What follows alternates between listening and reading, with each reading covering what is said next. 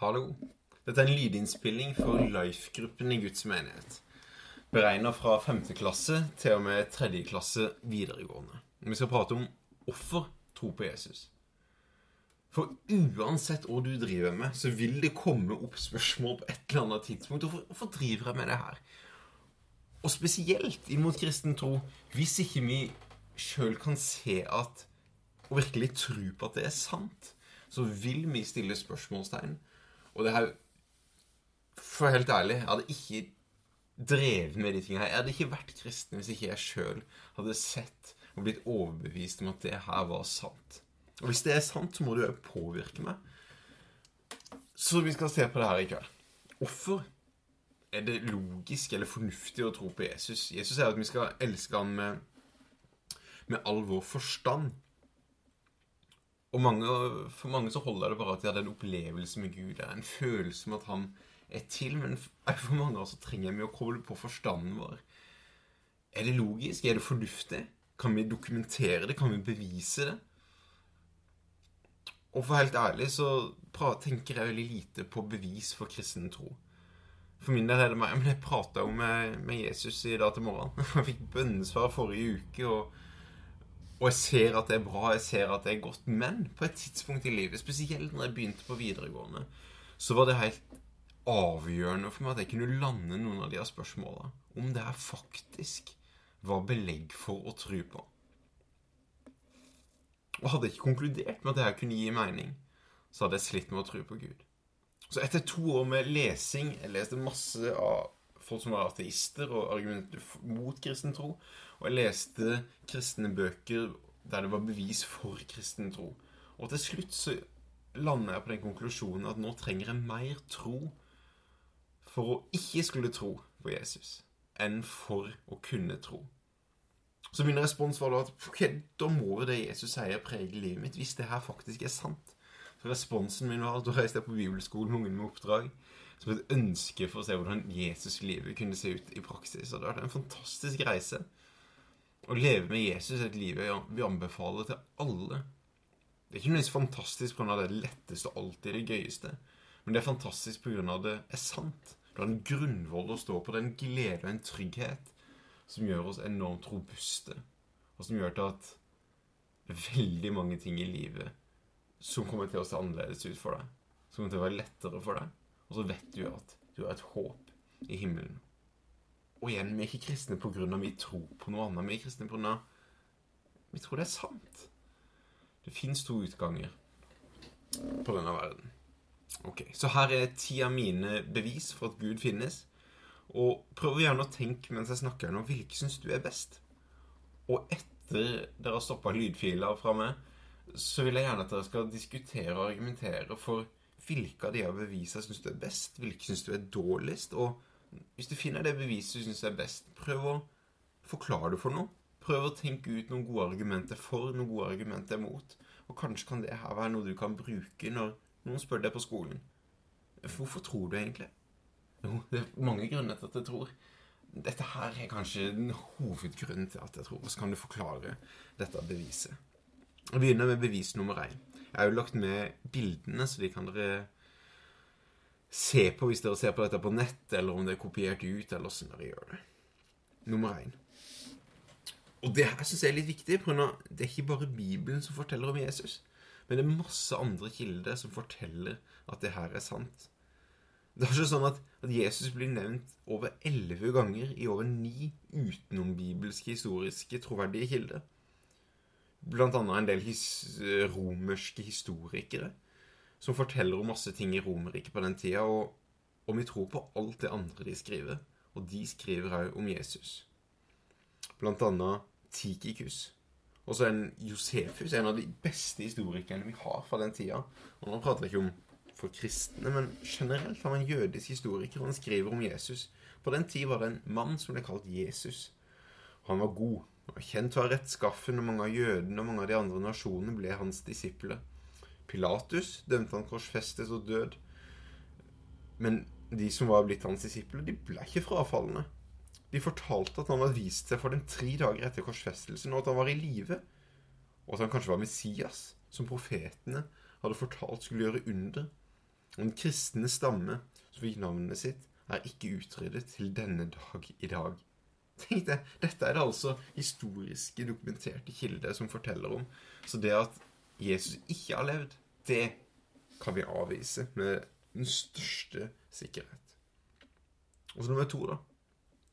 Det at det var øyenvitner som så det, og det var øyenvitner som skrev om det. Bare for å sette litt i perspektiv, så ja, Kildene vi bruker på Muhammed, f.eks., de ble skrevet 125 år etter hans død. Altså av folk som aldri så han.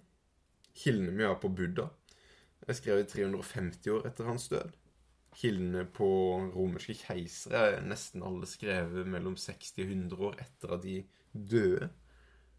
Og så Jesus, da. Der er de fleste som skriver, øyenvitner. Og den eldste kilden er 65 år etter hans død. Og, og mange av dem var skrevet allerede 35 år etter døden hans. Så det er øyenvitne på det som blir snakka om. noen. Nummer tre det er at det er sinnssykt mange kilder på Bibelen, på ting som er referert til i Bibelen, og på Jesus som en historisk person. Vi har ti kilder til livet om Julius Cæsar. Vi har 20 manuskripter om eh, Taktitus, den mest troverdige romerske historikeren. Og så har vi Hør nå. 24 633 manuskripter til Det nye testamentet. I ulike vinklinger som bekrefter at det her er ikke noe som bare er oppdikta på et eller annet tidspunkt. Det er ikke noe som noen folk har satt seg ned for å lage en fortelling eller lage en verdensreligion. Det her er bra dokumentert. Og så har vi et som jeg tenker er et vanvittig sterkt bevis. Bevis fire. De av folka her som hadde gått med Jesus i tre år. De, de vet, de hadde hørt, de hadde sett, og de hadde tatt på Jesus. Og Paulus skriver at vi fulgte jo ikke klokt uttenkte myter der vi kunngjorde for dere vår, at vår Herre Jesus Kristus og Hans komme. Nei, vi var øyenvitner og så Hans storhet. Så det er alt folk som har sett dette her. Og, og de valgte å dø for det. Sånn helt seriøst, Hva hadde de å tjene på å finne på en historie om Jesus, og så gå i døden for en som For han dersom det var en løgn? Da hadde jeg bare gitt meg. OK, jeg, jeg kødda. vi, vi, fant det på. Hvis du skulle bli torturert og drept og hengt på et kors for de greiene her. Så det at de faktisk valgte å bli drept på det fordi de visste at vi går til himmelen. Og det er Jesus vært på. Han sa jo at vi skulle bli forfulgt sånn som han var forfulgt. Bevis 6. Flaue vitnesbyrd. Det er enormt mange som uh, Hvis du skulle presentert en heltehistorie, en historie som mange skulle trodd på, så hadde du presentert folka i historien i et skikkelig godt lys. I hvert fall deg sjøl, hvis du sjøl skriver det. Men mange av de som skriver det, presenterer seg sjøl på en skikkelig dårlig måte. Som Peter skriver ting i Bibelen, og han var den som forrådte Jesus tre ganger. Og disiplene var jo eh, ofte sånn at når Jesus prata, så Vi skjønner ikke hva du prater om, Jesus. De presenterer seg sjøl som litt sånn dumme. Eh, som har altså veldig mange som presenterer seg sjøl dårlig. Og det hadde du ikke gjort hvis du hadde funnet opp historien sjøl. Det skjer bare hvis det faktisk er sant. Og de som så Jesus først, var jo folk som ikke hadde lov til å vitne i retten engang. Det var kvinner som kom og så Jesus og bærte vitnesbyrdet om oppstandelsen. Bevis 7. Bibelen har en rød tråd. Det er 66 bøker skrevet på et tidsrom over 2400 år. Og så er det ingenting som går mot hverandre. Alt henger sammen og maler et bilde av hvem Jesus er. Bevis 9. Bevis 8 først, selv om jeg har gjort om på rekkefølga. Bevis 8 forandrer liv. Og det er jo det her de fleste forteller om når de hører om kristen tro, at på et eller annet tidspunkt i livet så møtte Jesus meg, og så forandrer han det. Eller for min del så kan jeg beskrive at jeg var en eh, kjempeusikker gutt som sleit med angst og var redd for å sove vekk. Og etter jeg ble kristen, så forandra Jesus det. I 2015 så sleit jeg masse med astma, og Jesus helbreda meg. Jeg har mange av de forandringsvitnesbyrda som folk ikke kan motbevise, som ikke folk kan argumentere mot, for det personlige har hendt meg. Og her anbefaler jeg egentlig bare å snakke med folk som er kristne. Har du noen vitnesbyrd? Har du noen personlig erfaring med, med Gud? Og så kommer du til å høre mange, mange historier. Og ikke nok med at du forandrer enkeltpersoner, men bevis nummer ni at du òg forandrer plasser og land. Et eksempel er jo, for å gjøre det nært, da, så er jo her på Vegårshei. I 1850-åra så var ikke Vegårshei en veldig bra plass å bo. Folk fikk ikke utdannelse, det var ikke nok skoler. Ehm, det var mye alkoholisme. Det var veldig mange som eh, var fattige og bodde alene på gårder. Spesielt hvis eh, damene mista mannfolka sine, som var de som i hovedsak tjente penger. Så, så sleit de skikkelig. Og historiebøker forteller oss at det har forandra seg etter at denne vekkelsen på Vegårshei skjedde i, i 1870-80-åra. Du kan lese om det i 'Det blåser på heia', der eh, folk ble helbreda. Var ukentlige historier om at folk ble friske pga. de som starta opp menighetene, ba for folk. Folk som var enker og bodde alene på gårdene sine, ble tatt med inn. Alkoholismen gikk ned, politiet fikk mindre å gjøre. Og, og her må dere egentlig bare spørre meg, for dette, dette er et fantastisk punkt, syns jeg. Og jeg har mange mange historier om ulike land som er blitt forandra, bl.a. Norge, av de begynte å praktisere Guds ord, og folk ble kristne. Bevis 10. Skaperverket. Her tror jeg det er mange på Vegårshei som som syns det syns det er fantastisk med natur. Og det å for å sitte på jakt og nyte at frosten letter fra, fra myra, eller fra en, en fin soloppgang Da føler de seg nær til Gud. Og det står i Bibelen at skaperverket forteller om Guds storhet. Og så tenker jeg at skaperverket forteller oss om en skapende Gud.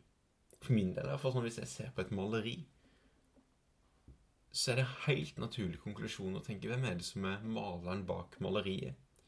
Hvorfor er det ikke sånn når vi ser på skaperverket? Hvem er det som er kunstneren eller designeren bak den soloppgangen?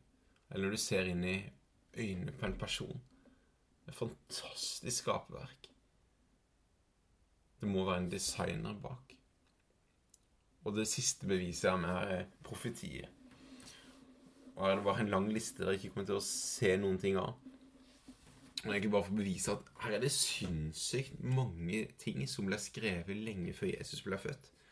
Ca. 400-500 år før, f.eks. i Jesaja som er helt sånn konkrete, direkte ting som Jesus aldri kunne oppfylt sjøl. Det, det, står konkret om hvordan han skulle bli født, hvor han skulle bli født, hvor han skulle flykte, flykte til, hvor han skulle bli, eh, vokse opp, hvordan han skulle dø, hvordan han skulle bli korsfesta, altså han skulle stå opp igjen. Alt det her er bare detaljert beskrevet over 300 ganger. Og så oppfyller Jesus alle profetiene om ham. Så har jeg også ti bevis. For, for noen av dere Syns dere noen er gode, noen er dårlige. Men ta så prøv å finne hvilke bevis syns du er best, og prat sammen om åssen det her eventuelt kan brukes over folk som ikke tror. Lykke til.